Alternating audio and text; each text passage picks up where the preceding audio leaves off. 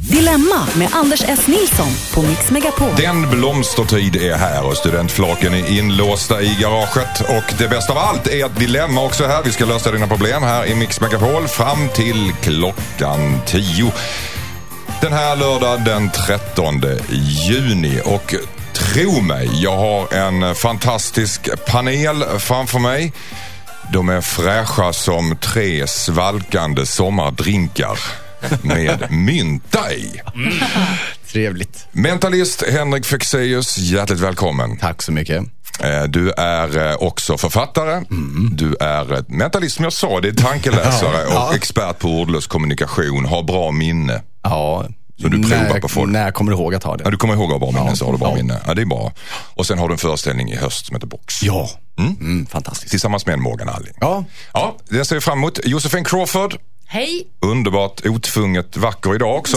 ja, somrig. yes. Tack, tack, tack. Eh, programledare här i Mix Megapol. Ja, Mm. faktiskt så är jag det nu till exempel. Det är ju jättekul. Sänder direkt efter det här programmet dessutom. Ja, det gör jag. Vi får Då- aldrig nog Josefin här på... Nej, precis. Jag ska ta över Tonys show sen också, hade jag tänkt. 24 timmar med Josefin Crawford. Mm, Bättre Ja. kan det inte bli, eller hur? Nej. Verkligen inte. Och sen så har du en podcast som heter Ihop med Josefin också. Yes, Mm. box. Oh, tack för pluggen.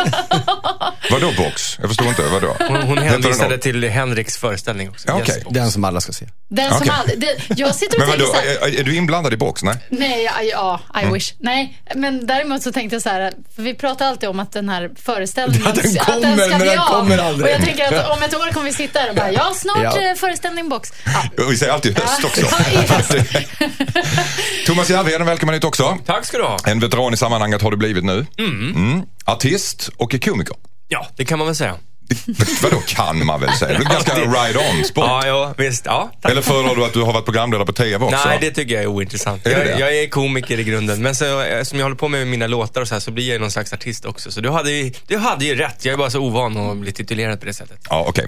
Hörrni, vi har en bunte med dilemma framför eh, oss som vi ska lösa. Och ni är beredda på det? Oh ja. Mm. eh, Linda har skrivit in till oss. Hon har fått en svindyr present av en kollega som hon inte känner så bra. Oj. Men hon misstänker att han har en underliggande agenda. Ew. Hur låter det? Låter bra tycker jag. kör vi.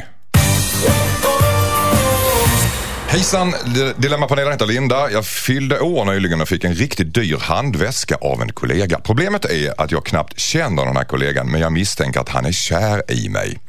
Han har frågat ut mig på dejt flera gånger och jag har gång på gång på gång tackat nej. Han verkar inte riktigt ha den där sociala fingertoppskänslan. Nu har han köpt en handväska till mig för cirka 7000 kronor och jag vet inte om jag kan behålla den. Den är jättefin eh, och jag vill verkligen ha den men det känns konstigt. Han tjänar inga enorma summor pengar så att presenten borde tjänas av i hans plånbok. Och jag vet inte om han förväntar sig något av mig nu. Men på ett sätt kan jag känna att han får skylla sig själv om man tror att en dyr present ska förändra vår relation. Borde jag behålla väskan trots att jag aldrig kommer att gå på någon som helst dejt med honom, undrar Linda. Vad säger du Thomas Järvheden?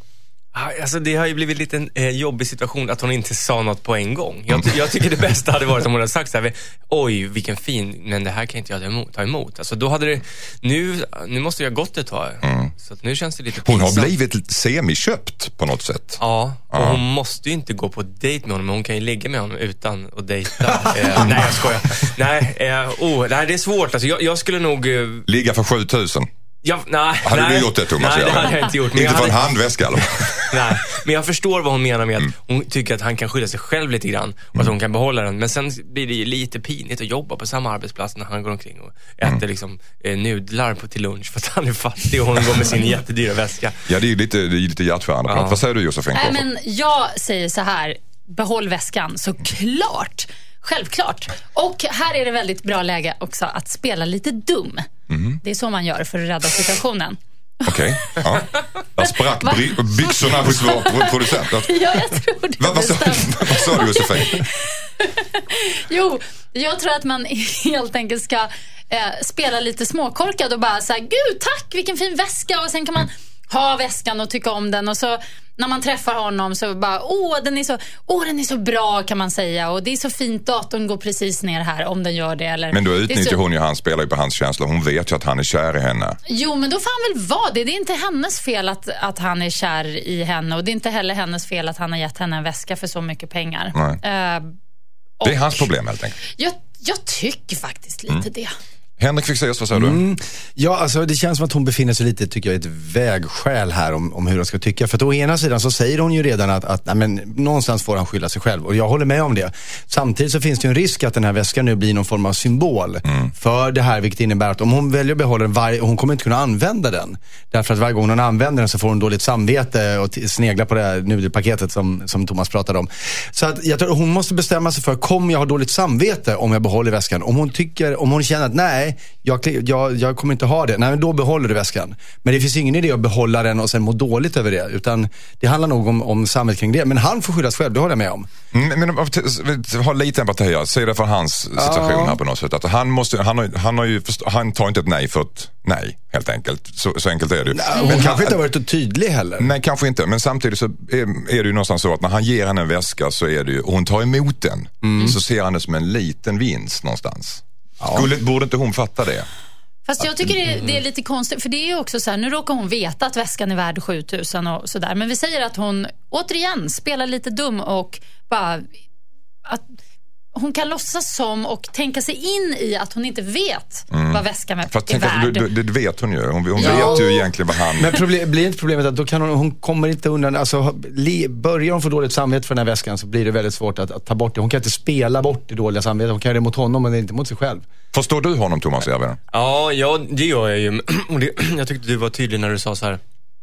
Att han kanske inte har fått en väldigt tydlig signal från henne att hon aldrig kommer gå på dejt. Utan på en arbetsplats kanske man är lite smidig och bara så här lite undflyende. Så, nej, nej men jag vill inte. Eller just nu, det känns inte bra. Du vet, det kan ju vara så. Så att han tänker att det här är liksom, ah, nu, nu sänder jag en skarp signal liksom att jag vill något mer. Och, ah, jag, jag, om jag skulle rösta, jag skulle säga, ge tillbaka den väskan och säga att det känns inte bra. Jag skulle ha gjort det faktiskt. För hon har ju verkligen chansen, för det är viktigt för henne att vara tydlig mot honom att hon inte vill gå på dejt med honom. Och det- Hon har bästa chansen att det säga det. Jag tar som- inte emot väskan. Det finns ju de som älskar att ge bort presenter också. Han kanske är en sån som bara tycker att det är helt underbart och det är kanske inte är den första dyra väskan han Men det ger till känns en ju som tjej. man vill ha lite payback för den här väskan. Det är ju... Nej, men det tror jag är hennes hjärna. Det kanske han inte alls vill. Hörrni, eh, vi får lämna dilemmat där. Vi ger du, en sista ord Henrik, bara kort. Ja, nej, jag tänkte bara säga som, som Thomas inne på, det är inte för sent. Man kan säga, du jag har tänkt på det här ett tag nu och jag kommit fram till att jag kan nog inte behålla den här. Så det, tåget har inte gått bara för att det har gått en, en period om man vill lämna tillbaka den. Ge den till Josefin. Ja, hon verkar vilja ha. Ge den till mig. Där Jag kommer fick du- aldrig lämna tillbaka den. Där fick du tydligt svar. Linda. Jasmin har skrivit in på dilemmaatmixmegapol.se såklart. Hej, jag är lärare för en högstadieklass. I ett skriftligt prov svarade en elev riktigt hemska saker. Det var så otäcka saker som han skrev att jag mådde dåligt av att läsa dem. Nu vet jag inte riktigt hur jag ska ställa mig till det hela. När jag frågade honom om det, om det så svarade han bara att det var ett skämt. Men det är ju bara jag som ska läsa hans svar och jag förstår inte vilken typ av skämt det skulle vara. Borde jag kontakta en kurator eller ska jag låta det gå för ett osmakligt skämt den här gången undrar Jasmin, lärare. Vad säger du Josefin? Oj, nu blir man ju nyfiken på vad det stod. Ja. Eh, alltså, jag försöker i min vildas, vildaste fantasi eh, klura på vad det kan ha varit. Var det något liksom personangrepp mot henne eller var det bara massa snuskiga ord? Eller var det Styckmord. något eh, rasistiskt eller något... Ja, men man vet ju inte, men jag tror att om... Men överhuvudtaget, låt säga att det var allt det där då. Borde, Ja. han, borde hon eh, ta tag i saken då? Jag tycker kanske att hon skulle ta, ja, eller ta ett snack med honom lite mer ordentligt. Bara, men det här var ju inte okej. Det förstå, alltså, försöka få honom att förstå. Det här var inte kul alls. Det var jobbigt för mig att läsa och obehagligt. Alltså att, så att han förstår att det, även om han menade det som någon slags konstigt skämt så gick det inte fram och det var en dålig grej så att han inte gör om det. Thomas Järvheden, du som är komiker och skämtar mycket och ibland så kan man tänka sig att det går fel, ibland går det rätt och sådär. Nu var den här killen ganska ung, men, men hur ser du på det? Alltså, Testa när man nog är- kan det absolut vara så att man i den åldern är lite fel, siktar lite fel när man ska vara rolig. Mm. Eh, Herregud, jag kommer ihåg, vi gjorde, vi, jag gick i ekonomisk linje och Mm. eh, jag och en kompis som heter Jonas, vi lämnade in en uppgift tillsammans där, vi gjorde ett, eh, vi tränade på att skriva anbud. Eh, ja, så här, ja, vi, Eller Stava till- stava till nej, anbud? Anbudsförfrågan Alltså, okej. var det så här. Så ska man stolpa upp det så här väldigt eh, businessaktigt. Mm. Och då kom vi på att vi skulle göra en anbudsförfrågan. Så fick vi hitta på hela businessen och då var det att vi ville köpa ett stort parti uppblåsbara Barbaras. Mm. Och, och så hade de vissa så här tydliga egenskaper. Vi, vi satt och skissade. Det var jätteroligt. För så Vad form- var det för egenskaper då? jag kommer inte ihåg, men det var väldigt formellt skrivet. De skulle ändå ha vissa munnar och hit och dit. Det var väldigt kul tyckte vi, för vi tänkte att vi skulle lämna in det till vår ekonomilärarinna då, som var en tant. Som skulle räkna på det? Ja, men hon skulle, nej, men hon skulle ändå bedöma hela liksom, hur vi hade gjort. Och sen när vi väl skulle lämna in det, det var inte alls kul längre. Då kändes det, shit vad pinsamt det var. Jag satt gömd bakom bänken där och tänkte, oh. Så att nej, eh, även jag hade rätt dålig koll kan jag säga. På Vad säger du. Henrik Fexeus? Nu men, nu äh, utgår vi från att det var ett skämt, men det kanske inte var det. Men vad säger du? Ja, nej, men jag tänker så här, jag, jag behöver nästan utgå från att det inte var personangrepp, för då blir det en helt annan frågeställning tycker jag. Men, men eh, Thomas är inne på någonting där och det, det är att man testar. Jag har nämligen gjort någonting liknande när jag var ung. Jag läste otroligt mycket böcker som, som liten och läste allt jag kom över och jag fastnade för så här pulp horror böcker, alltså ri- riktigt grisig amerikansk eh, skräck skriven på 60-70-talet och som jag läste när jag var 10 bast. Och, och det betyder att när vi skulle skriva, ha skönlitteratur i, det heter inte, vad, ja, när vi skulle ha fri skrivning i skolan, när jag gick i trean, och man skulle skriva fria noveller, så skrev jag skräcknoveller som var jävligt så här, explicita och väldigt gory för att jag hämtade inspiration från det jag läste. Och då fick jag just det här samtalet liksom upp till kuratorn och, och de blev väldigt här, oroliga för hur kan du hitta på det här? Ba- Vadå, "Ja, hitta på sig? Ja, ja, just det. det är, allting är ju självupplevt. Det, nej, men, och då, fick- nej, men vad, vad menar du? Det här är ju liksom, det är bara referenser till det jag läser. Och, och då fick det sin upplösning. Men min poäng är att det var ganska bra det samtalet. För att för mig var det ju bara, jag var ju bara masskonsument av media, eller av pulpmedia i det här fallet. Och jag hade inte förstått eh, känslighetsgraden i det förrän de påpekade att i vuxenvärlden så är det här liksom en big deal. Så det är nog bra att hon tar det här samtalet men hon behöver också förstå att han utforskar nog bara terrängen, försöker vara roligt, trampade fel. Kanske ville provocera lite, han har sett någon på YouTube som gjorde någonting häftigt. Mm. Vad säger du Josefin? Ja, nej, jag tror, jag tror inte heller att det är så allvarligt ändå, även om det stod jobbiga grejer. Jag, jag, får, jag får bara en sån här vibb att hon ska bara kanske snacka lite med honom. Men om vi utgår från att det kanske är en fri skrivning och den här personen, den unga killen, då skriver liksom hemska saker fast han gör det väldigt så här, litterärt och väldigt bra. Mm, ja, men då- Borde- inte lärarna kunna se det snarare? Bortse från så här, sakinnehållet och bara se att det är Det, det välskrivet. tycker jag. Det tycker jag. Jag tänker på dina eh, gory stories. Alltså, det låter ju ändå lite spännande och coolt. Ja, men det var ju det som var deras problem, att det inte var så här dåligt skrivet utan Nej. att det ändå fanns ett sammanhang. Och det gjorde, men det gjorde det bara värre. Jag tänkte på en grej. Jag har ju jobbat som, som lärare eh, en eller två terminer för länge, länge sedan. Eh, man sitter ju faktiskt ibland eh, med resten av lärarna och pratar tillsammans om varje elev.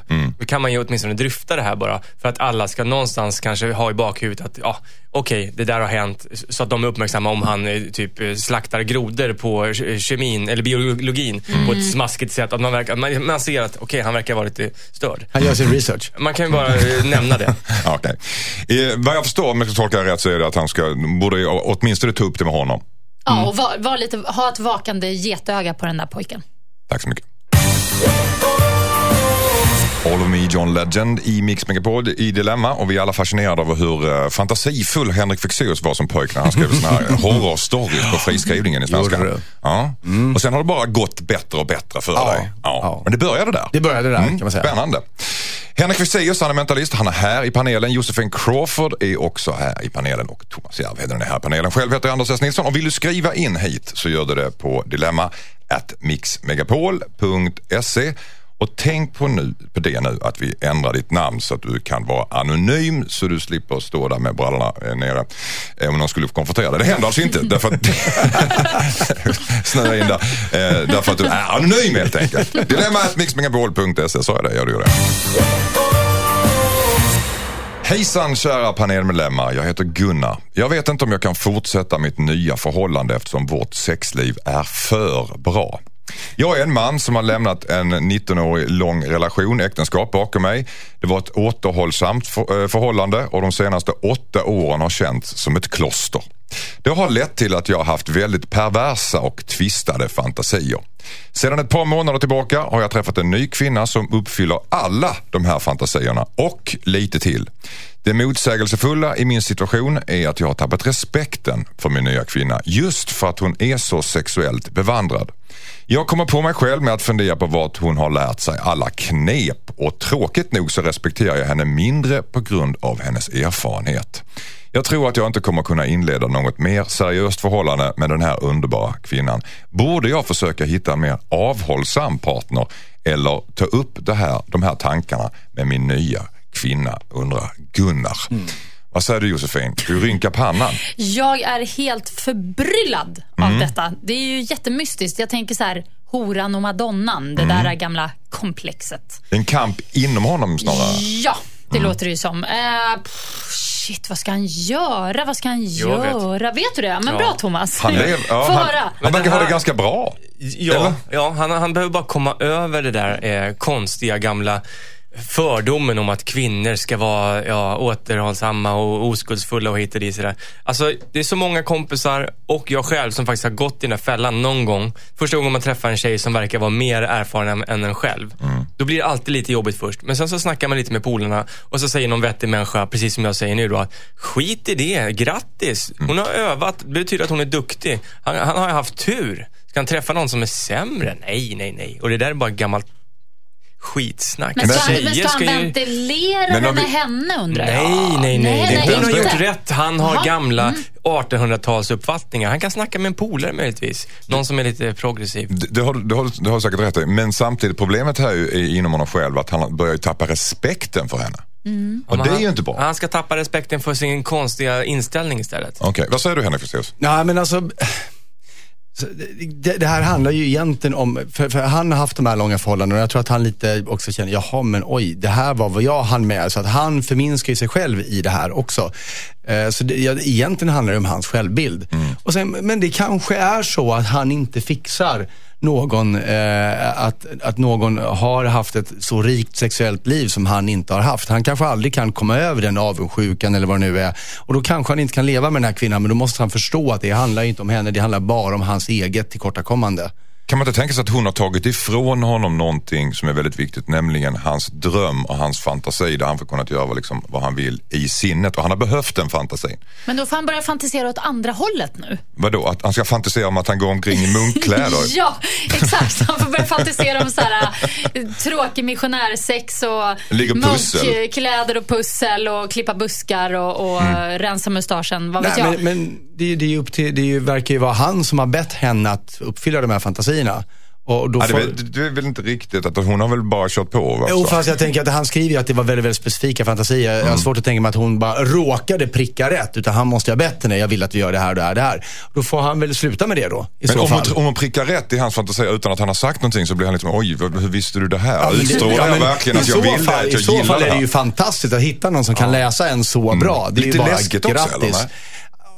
Jag, jag är ju, här är jag lite partymode. Det där är ju lite mitt jobb att läsa folk. Så att jag tycker ju bara att det är bekvämt. Men, Mm. Okej. Sen kan det ju vara så att det han ansåg var perverst, det kanske är bara liksom lite mera kinky sex Mm. eh, jämfört med hans Lampan gamla tänd. torfliga, ja, lampan tänd Det är missionärer, lampan liksom. tänd som det räcker för honom. Shit, det här var kinky. Inte ens sex, bara lampa.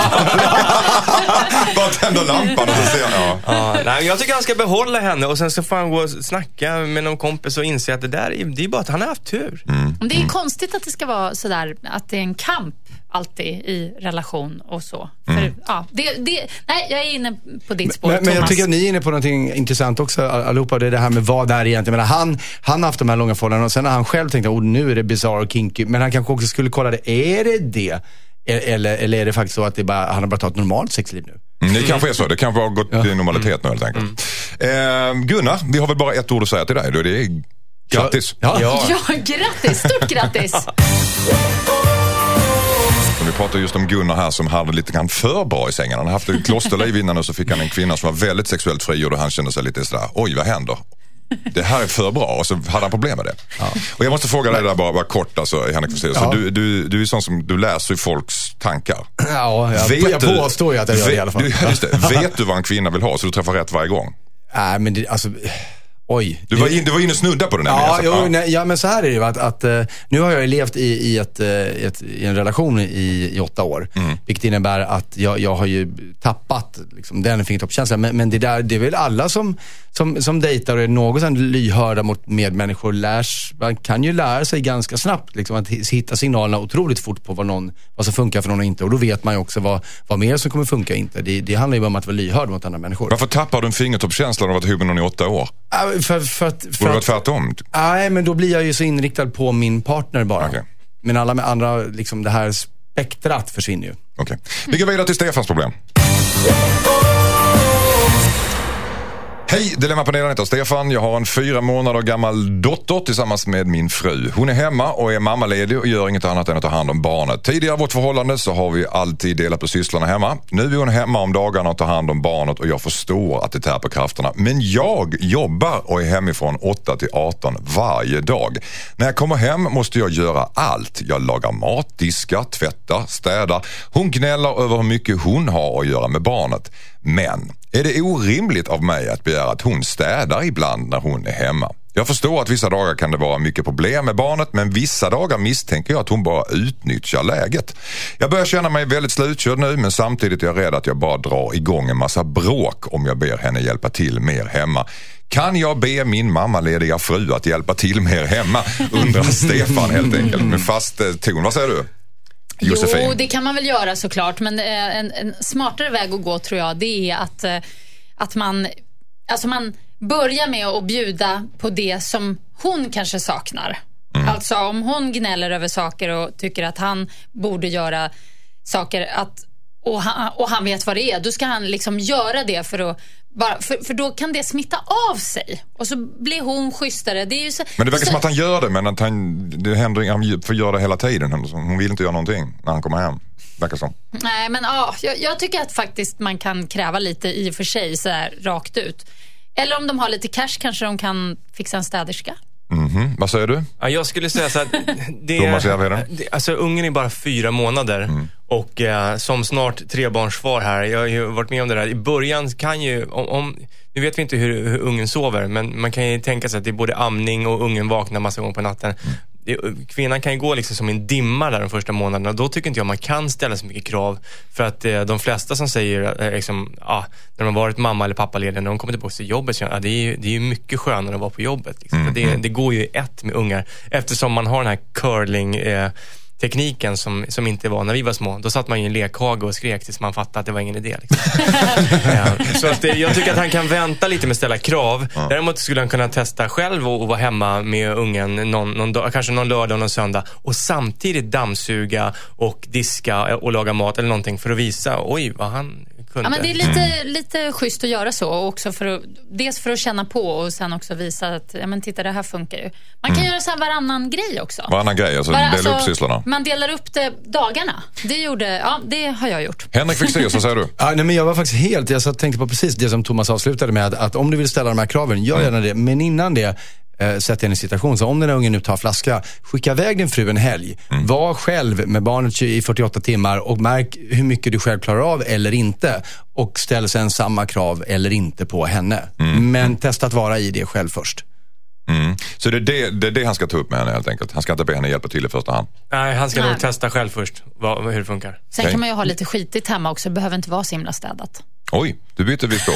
Ja, det är en int- intressant Nej, tanke jag bara kom och tänka på det. Det ska vara så himla fint och städat och perfekt jämt. Det behöver det inte vara. Stefan, innan du pratar med din fru, eh, sätta in i hennes situation först. Hej Dilemmapanelen. Min son har en flickvän. De är båda 16 år gamla och hon har blivit gravid nu. Hon ska göra abort men väl in, vill inte att jag berättar det här för hennes föräldrar. Jag är vän med hennes föräldrar och tycker att det känns jobbigt att hålla en så här stor sak hemlig. Hon säger att de har aldrig pratat om sex hemma och hon är rädd att hennes föräldrar kommer att bli besvikna på henne. Jag tror att problemet består av att de aldrig har pratat om sex överhuvudtaget. Det finns ingenting som tyder på att hennes föräldrar skulle fördöma henne. De är inte religiösa eller något sånt, bara lite pryda. Jag tror att hennes föräldrar kommer att förstå och att de kommer kunna stötta henne i det tuffa som hon nu går igenom. Men hon har bett mig att inte berätta. Jag tycker det är jobbigt att hon ska behöva gå igenom det här utan sina föräldrar. Men vill samtidigt inte svika henne. Borde jag berätta för hennes föräldrar nu att deras dotter är gravid och tänker göra abort? Vad säger du? Thomas Järvheden. Alltså, eh, Knivigt. Det här är ju knivigt för att hans relation till sin svärdotter kommer ju bli väldigt, väldigt ansträngd om han liksom...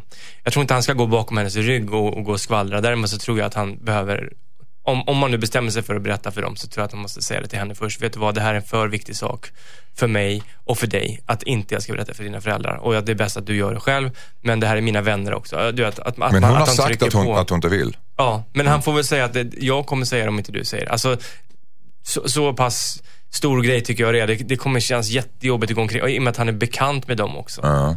Ah, ja, ja, tyvärr, han får nog svika henne där tycker jag. Men, men gärna genom att övertyga henne först, så att hon förstår att ah, det är nog lika bra att vi går den här vägen. För att hon är så ung alltså. Ja, jag tycker det. Hon är 16 år, hon kan inte hålla det hemligt jämt. Ja, Alltså, det går, men... Josefin? Nej, jag håller inte alls med. Nix pix, hallonmix. alltså, han ska inte säga till eh, hennes föräldrar om hon inte vill det. Däremot kan han kanske finnas där och vara ett stöd för henne. Om hon nu behöver det. Alltså om hon behöver det här stödet. behöver inte vara så himla, himla jättestor allvarlig grej. Det kan vara det. Men det kan också vara bara väldigt skönt att gå och göra den där aborten och så punkt slut och inte tänka mer på det.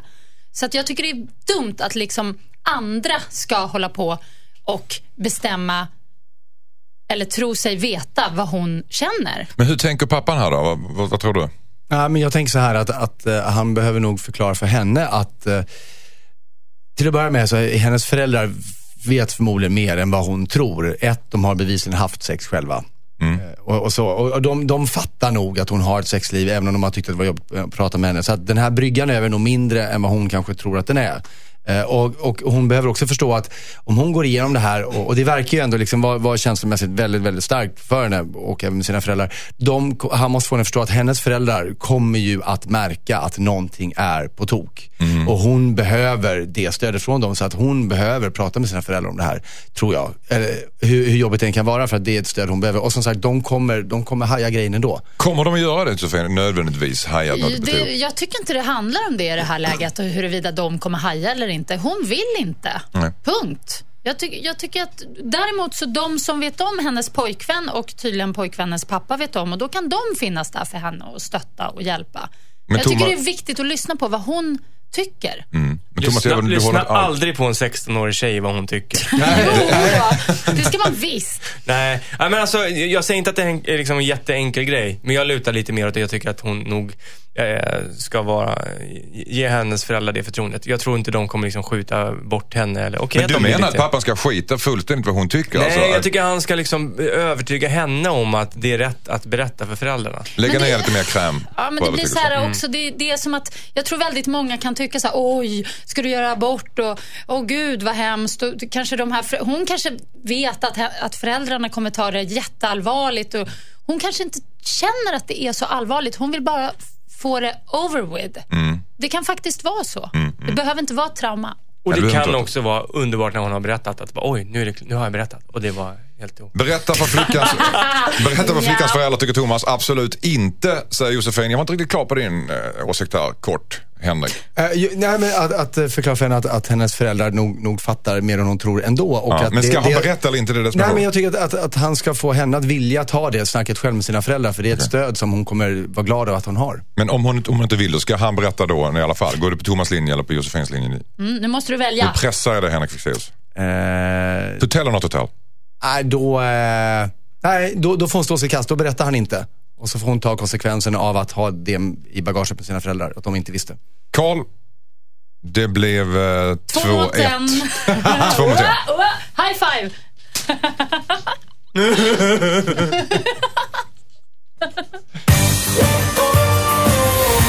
Hejsan Dilemmapanelen heter Conny. Min farfar är 94 år gammal och såklart börjar han bli dålig med åren. Han är väldigt förvirrad och har blivit personlighetsförändrad. Det senaste upptaget är att han nu har gått och blivit nazist. Han pratar om nazismen helt avslappnat som om det vore världens naturligaste sak och det går inte att tala honom till rätta. Han har grannar som han ibland umgås med och senast vi var där så har vi sagt åt dem att han är väldigt dålig och att de helst inte borde besöka honom. Han är väldigt harmlös och förvirrad så att vi ser inte det här som någon superkris. Vi orkar inte riktigt mer dock och om han vill vara nazist de sista åren i sitt liv så får han väl vara det. Problemet är bara vad det här kan ställa till med om grannarna kommer över. Det känns lite som en tickande bomb. Men förhoppningsvis går det här över och vi kan undvika många jobbiga samtal för farfar. Borde vi varna farfars grannar att han har gått och blivit nazist på gamla dagar? Undrar Conny. Mm. Hur ska vi förhålla oss till det? Det här, det här händer inte i varje villaidyll kan jag tänka mig. Vad säger du Thomas Järvheden? Nej, men faktiskt är det vanligt att om- man får eh, demens Mm. så kan man bli personlighetsförändrad och man kan bli ganska oskön och jobb, alltså, elak och allt möjligt. Och det, är, det är ett trauma för varje familj, liksom, för det är en person som man tycker väldigt mycket om. Och jag tycker det är självklart att de ska snacka med de här grannarna och bara säga som det är. Han har blivit dement och personlighetsförändrad. Han är världens godaste gubbe, men han har på något sätt bara gått och blivit nazist. Han, han, han lägger också ut, teck, liksom, lägger ut liksom, eh, texten ganska otvunget om nazismens fördelar och så vidare. Men det, ja, vad säger du Josefin? nej men ja, man får väl prata med i princip alla som eh, den här gamlingen har kontakt med och varna, tycker jag. För att det är ju också så att han kan ju hamna i, i trubbel om han, ja vad vet jag, ju, Börjar han heila så det är olagligt? Ja, men han är iväg någonstans. Och, alltså, det kan ju bli bråk på riktigt. Så det är väldigt viktigt att tala om för alla runt omkring honom att så här ligger det till. Han har blivit lite knaskoko och nu tror han sig vara nazist. Men bara låt, låt det bero. Liksom, Kommer han in i uniform är- och, och, och långstövlar så, så, så bryr inte om honom. Vi ska också bara säga att, att på hans tid när han var ung, då var det ju ganska vanligt att vara nazist. Alltså Ja. in, eh, det var ju faktiskt jättemånga svenskar som inte hade förstått egentligen vidden av vad, vad nazismen egentligen höll på med. Så Det att, är eh, ju- Ja. Ja, Nej, men- jag- bara apropå det, så Ja. jag bara kom på nu att det, det är så himla svårt det här med när gamla människor har eh, ett sätt att prata om saker som liksom inte hör till den här tiden. Ehm, jag har varit med om det med mina eh, släktingar, mode, modell äldre, att de har eh, ja, men slängt sig med ord som neger och så. Och man blir väldigt ställd för att det hör liksom inte hemma. Och så blir man så här, oj, ska jag säga till nu? Eller ska jag säga till sen? Eller ska man bara låta det vara? Det är jättesvårt faktiskt Mm, att, att förhålla sig till. För att man vet också att personen säger inte för att man är eh, ja, i det fallet då rasist, utan det är bara ett ord som på något vis har hängt med. Men samtidigt barn sin tid lite grann. Mm. Ja, och, men i dagens läge så är det, det är verkligen inte alls okej. Nej. De måste lära sig. Så det, är, det är knepigt. Det är knepigt. en Vad svår säger du. Henrik Fexeus? Ja, men grejen är att de har ju redan pratat med grannarna. De har ju sagt till grannarna att farfar är dålig. Och, det, och det är väl, eh, det är lite roligt för övrigt, eh, eller ja, nu är jag två spår samtidigt, men, men som Thomas säger, att, att säg inte farfar gått och blivit nazist på gamla dagar, farfar är dement. Eh, och det har de ju Alltså grannarna vet ju redan det, så att det där är egentligen löst. Men jag, jag sitter och tänker på, det är roligt att visa alla tre bara förutsätter att, att ja, han blev dement, han blev lite knasig. Det är ingen som har tagit det här på allvar, att han faktiskt fick en politisk övertygelse vid 94 års ålder. eh, För att vi finner det så orimligt. Om man har rakat sig konstigt vid överläppen så bryr jag inte om det. Ja. Men alltså det finns, vad, vad är det som gör att vissa, kan det göra ofta med det, jag jobbar på äldreboende bland annat, att ofta är det eh, gamla människor som har varit ganska undertryckta, så här, levt i ganska pryda miljöer, det kan vara frikyrkligt eller sådär, som blir ganska vulgära när de blir dementa därför att de, det pyser ut på ett annat sätt. De har Ta aldrig fått rätten på något vis. Att, Ja, de, har inte, de har aldrig fått, så de har gått liksom någonstans och ackumulerat en massa Ja, jag, jag, förbjudna inte... ord och hit och dit. Men man kan ju bara kontrollera farfars klädinköp, att han inte fixar de där ridstövlarna. Och jag tänker som Josefin var lite orolig för att han skulle åka på stryk om, om han åkte. Var ska han åka? Han är 94 bast, liksom. han kommer inte så långt tror jag. Så jag tror inte det är någon, någon större fara där. Men det kan ju räcka med att några tittar in genom hans fönster. sitter han där i stövlar och heilar och så kanske de Ja, men- helt Men- galna och bara Men går det, in alltså, och det, det, är slår väl inte, det är väl inte hela världen liksom. egentligen. Alltså, det, det är en gammal man och man säger bara att farfar har blivit koko. Man Ja. kan ju försöka snacka med honom. Alltså, det är ju inte så att man Ja, direkt ja, det- bara ska absolut. så här, bara låta det vara okej. Man kan ju försöka få honom på andra tankar. Conny, försök få din farfar på andra tankar eller så ta det lite lugnt och säga att farfar har blivit eh, Dement. dement helt enkelt. inte nazist utan dement. Ja. Hej Dilemmapanelen, jag heter Sebastian. Jag och min flickvän har varit ihop i två år. Vi är i 25-årsåldern och vi har ett bra förhållande. Men jag misstänker att hon ljuger om att hon är gravid. Jag har nyligen flyttat till en annan ort för ett jobb. Hon tog inte den flytten så bra men till slut så kom vi överens om att vi skulle prova. Bara någon vecka efter att jag hade flyttat så hörde hon av sig och berättade att hon var gravid. Vi använder preventivmedel så beskedet kom faktiskt som en överraskning.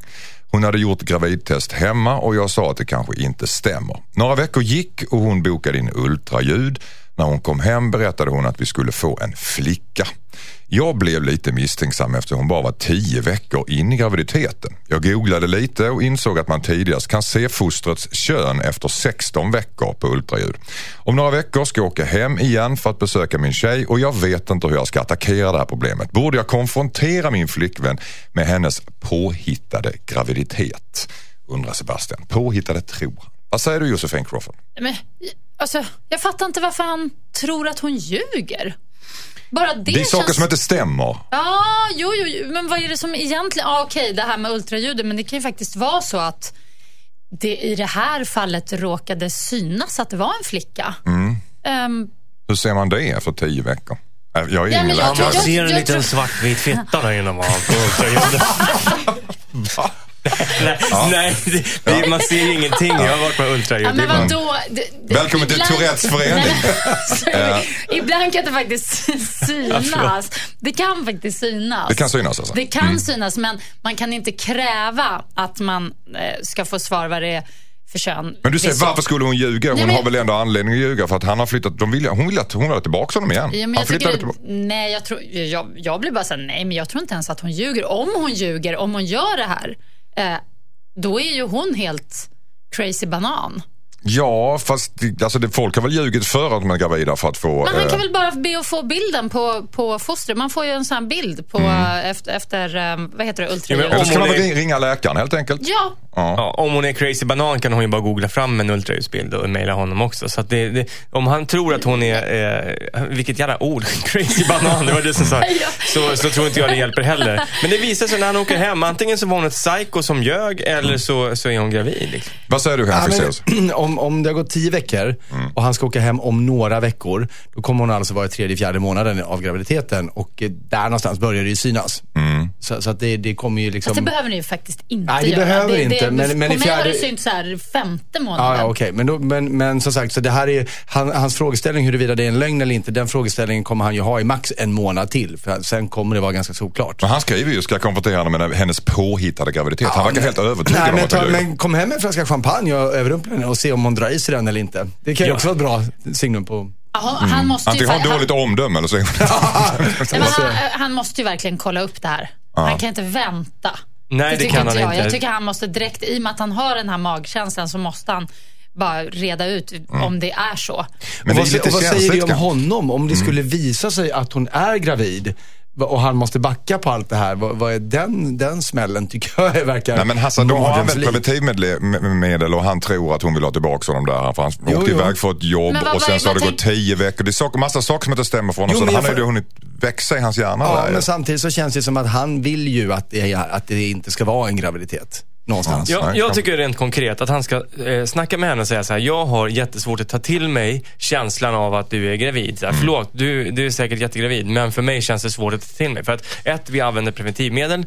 Två, du säger att man kunde se könet fast man egentligen inte ska kunna se det förrän om sex veckor. Det är mycket som gör att jag inte riktigt kan ta till mig. Kan inte du bara skicka eh, en bild eller kan jag få prata med läkaren eller, eller, någon, eller kan vi ses? Jag menar, bor han i Australien eller? Men det är väl bara- Fast shit, om- vilken misstroendeförklaring. Ja, någon skulle säga så och jag var, och jag var Ja. gravid med den här personen så skulle jag säga, du by the way, jag vill Nej, inte ha en unge jag menar inte att han ska idiot. säga så här, jag tror du ljuger. inte Utan, pappan. lyssna, att, att man kan säga att jag har svårt att ta till mig känslan. Jag vill se, alltså, Men betyder- för, Ja, nej, men alltså grejen är, då går ju hon bananas. Alltså, Ja, men om han ifrågasätter hennes graviditet. Bara att han gör det tror jag att hon blir helt galen. Ja. Tror du inte det? Ja, jo det tror jag också. Men jag fattar inte vad hon tycker. Om hon ljuger, tänk om då att han ska komma hem och sen ska hon säga oj jag fick missfall. Då kommer han flytta igen. Ska, Mm. han, ska hon upprepa sig själv igen då sen? Eller? Alltså, det känns bara så här. Så vad ska han göra? Ska han avvakta? åk hem tycker jag. Det är en sån viktig grej. Kolla upp fakta. Jag tycker det där med att ringa läkaren. Mm. Ring läkaren, Conny. Sebastian. Eller Om är det du- är det en ja. läkare? Barnmorska Ja, kanske? det är. barnmorska och Ja, läkaren. du, Ta, kolla ta, upp det. ta, ta reda på fakta helt Ja. enkelt. Skicka in ditt dilemma till dilemma@mixmegapol.se. När vi pratade om Sebastians mejl, han misstänker att hans flickvän ljuger om att hon är gravid. Borde han konfrontera henne med hennes lögner? Det var vilda diskussioner under den här låten. Ja. Eh, ring läkaren var det någon som sa, då opponerade du dig Thomas Ja, men jag tänker att eh, om man ska ta reda på vilken läkare det är, då måste han ändå misstänkliggöra Mm. flickvännen och säga, "Hör- du förresten, jag vill snacka med läkaren. Så att det är inte sådär, ja han kanske får reda på fakta. Han sätter ett projekt alltså, han blir en privatdetektiv. Han börjar snoka hardcore Nej, men vadå, han är ju ändå pappa till barnet. Han måste ju kunna säga så här, du jag skulle vilja fråga barnmorskan några grejer, jag är lite orolig för det Fast och det, då han är bla, bla, pappa till barnet, då, det vet de inte förrän som har gjort DNA-test. Liksom. Nej, men nej, men jag menar, alltså, det ska ju verka som att han är det. Jo men han kan, alltså, hej, hej, min flickvän var inne och jag lovar att jag är pappan, jag vill ha, jag vill ha hennes journal. Så funkar det ju inte. Nej, det funkar inte så. Men, men däremot jag tänker så här, att vill, jag, jag har inte förstått, skulle han vilja ha barn med henne eller inte? För om han vill ha barn med henne, förutsätt då att graviditeten är sann och agera ut efter det. Om du inte vill ha barn med henne, ja, fråga henne då, ställ henne mot väggen och... och, och Fast det där var inte definitivt Henrik. Man kanske inte vill ha barn nu. Men man vill ha barn sen kanske. Man Ja, kan men, vilja, eller men, men okej, men jag menar i, i detta nu liksom. Skulle han, om det här var på riktigt, skulle han tycka att, fan vad kul, vad härligt. Ja men förutsätt då att det är på riktigt. Det tycker jag är en bra lösning. Jag tycker han ska åka hem och Ja men det det ska han göra ändå ju. Ja, Åk om hem. några månader ja, men på en gång. Nu! Och, och hem nu Sebastian. Nu tar vi ett nytt dilemma. Hejsan, Dilemmapanelen heter Daniel. Jag har kommit på en kollega med att sno mat från jobbet. Jag har jobbat på mitt nya jobb i ungefär tre månader. Det försvinner saker från vårt gemensamma kylskåp hela tiden, flera gånger i veckan. Det kan vara allt ifrån en läsk till en hel lunchlåda minsann. Lunchtjuven har blivit något slags stående skämt på jobbet men folk är fortfarande väldigt irriterade. Jag har själv blivit drabbad några gånger och det är ju verkligen inte kul att bli av med sin lunch. Jag gick in i köket en eftermiddag och såg en kollega stoppa på sig saker rakt ner i fickan. Hon vände sig om och sa hej som om ingenting hade hänt. Jag tror inte att hon märkte att jag såg henne stjäla. Problemet är att tjuven är den enda som jag kommit riktigt nära på jobbet. Om jag sätter dit henne så är jag rädd att jag inte har någon vän på jobbet längre. Men hennes beteende är ju för jävligt. Borde jag sätta dit henne, min kollega? Trots att hon alltså då är, är Daniels vän. Vad säger du Thomas Järvheden? Nej, det är bara lite lunch. Ja. Jag, jag, jag är nästan benägen att hålla med dig så här spontant. Vad säger du Josefin Crafoord? Mm, nej, jag tycker hon... Ja, sätt dit henne. Så är det bara för att du ska vara emot Thomas eller, eller har du en... Det, Nej men vadå, jag skulle bli rålack om jag liksom hade en lunch, en god lunch som väntade i kylen och så var den borta. Mm. Vad fan är det för beteende att gå och sno folks lunch? Det är ju helt sjukt. man kanske är Alltså- hungrig. ja, men hon, kan, hon jobbar ju där. Hon kan gå och köpa sin egen. Nej, det här måste få ett slut. Så känner jag. Det måste Henrik få ett du? slut. Nej men jag, jag tycker också det. Jag bara funderar på vad bästa sättet att sätta dit henne på. Först tänkte jag så här, okej ta upp det med pers- personalchefen. Men, men jag tänkte det är kanske mer effektivt att om hon, om hon lyckas se det här igen, bara det där är min lunch, vad fan gör du? Mm. Alltså även om hon, så länge hon förstår att det där är någon annans, behöver inte vara hennes. Men, men påpeka, du själv nu från mig. Mm. Va, varför? Fråga, ställ den frågan, vad gör du? Vad är det för människor som gör så? Jag tycker man Köp kan din skicka- egen mat. Ja, men- Jättekonstigt. Man kan väl skicka ett anonymt mail, Mm. tänker jag, lite snyggt så här att eh, jag vet vad du gör, vad du håller på med. Jag, Jag har vet sett vad du gjorde dig. förra sommaren. Precis. Du snodde Eh, lunch. och om du inte slutar omedelbart så kommer jag, eh, ja då kommer jag outa dig. För Nej, chefen. nej, inga anonyma mail. Jo. Men alltså, Nej. alltså, grejen här, det står ju en vänskap på spel också. Det är väldigt viktigt med vänskap. Jo, men det, är, ju- det, är personen, det är därför det ska vara anonymt, va? ska Jag vara- tycker ja. att hon ska på klassiskt sätt klippa ut bokstäver och klistra fast som ett brev. Sådär, Okej. och, och skriva, jag vet vad du gjorde eh, när du snodde lunchen. Eh, Nästa gång åker du dit. Det är roligt. Jag vet vad du gjorde för Och lunchen. lägga i hennes fack. Ja, Okej, alltså, men- ja. Och limma dit lite makaroner. Och Men du har bytt, du har bytt nu alltså? Nej, men alltså, jag, jag, du, frågan var, ska vi sätta dit henne? Mm. Jag, jag tycker inte han ska riskera vänskapen, eller hen, jag vet inte om det är en kille eller tjej som har skrivit. Kan jag inte bara säga det? Alltså, gör du det en gång till så måste jag faktiskt säga någonting. Nej! Nej men, så här, Nej, jag, nej, men, men varför, inte, liksom, varför inte bara lägga det på personliga plan direkt? Jag, jag är hungrig vid lunch, jag vill gärna ha min lunch. Jag uppskattar inte att du äter upp min mat. Men det är rätt svårt att ertappa någon på bar gärning när hon snodde just dens lunch. Nej men, nej men så länge de här luncherna inte är helt uppmärkta, man kan ju bara säga att det där Men ska han, vänta, ska, ska han vänta till, han, till hon snor hans lunch?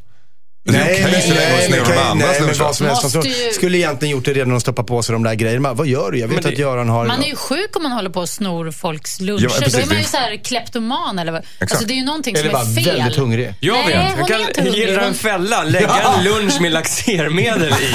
Som ser väldigt god ut. Ja, knyckla ihop en lunch och släng den bakom tvn.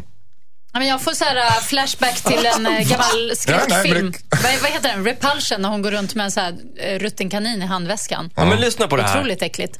En, man lägger in en god lunchlåda och så skriver man så här, eh, och så en, en liten lapp så här, hej lunchkyven. Någon av alla de här goda luncherna är preparerad med laxermedel. Varsågod och gissa. Och så har man alltid så. Man, man stoppar alltid in Så en. kommer någon som missar det memot. Jag tycker det var en lysande idé. ja. Okej, du hörde eh, domen här från eh, Dilemmapanelen Daniel och det är bara att ta till dig. Det börjar lida mot sitt slut idag, lördagen den 13 juni. Och jag måste fråga er eh, kära vänner, vad har varit det mest intressanta dilemmat idag? Vad börjar med dig Thomas Järvheden? Jag är ju väldigt... Eh, eh, ja, jag blev tagen av den här historien om den 94-åriga gamla farfaren som hade blivit personlighetsförändrad och plötsligt blivit nazist på gamla dagar. Det är ju självklart en väldigt tragisk situation men jag tyckte ändå, jag kunde inte låta bli att eh, fnissa till för att det var en så rolig bild.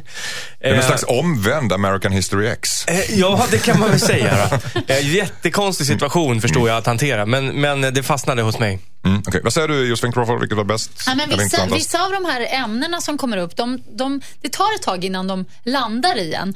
Och eh, Ett ämne som du tog upp precis i början av programmet var det här, um, han som hade en tjej eh, och de hade en fyra månaders bebis och han tyckte att hon inte gjorde tillräckligt mycket hemma, städade till exempel när han jobbade, jobbade mycket och kom hela tillbaka.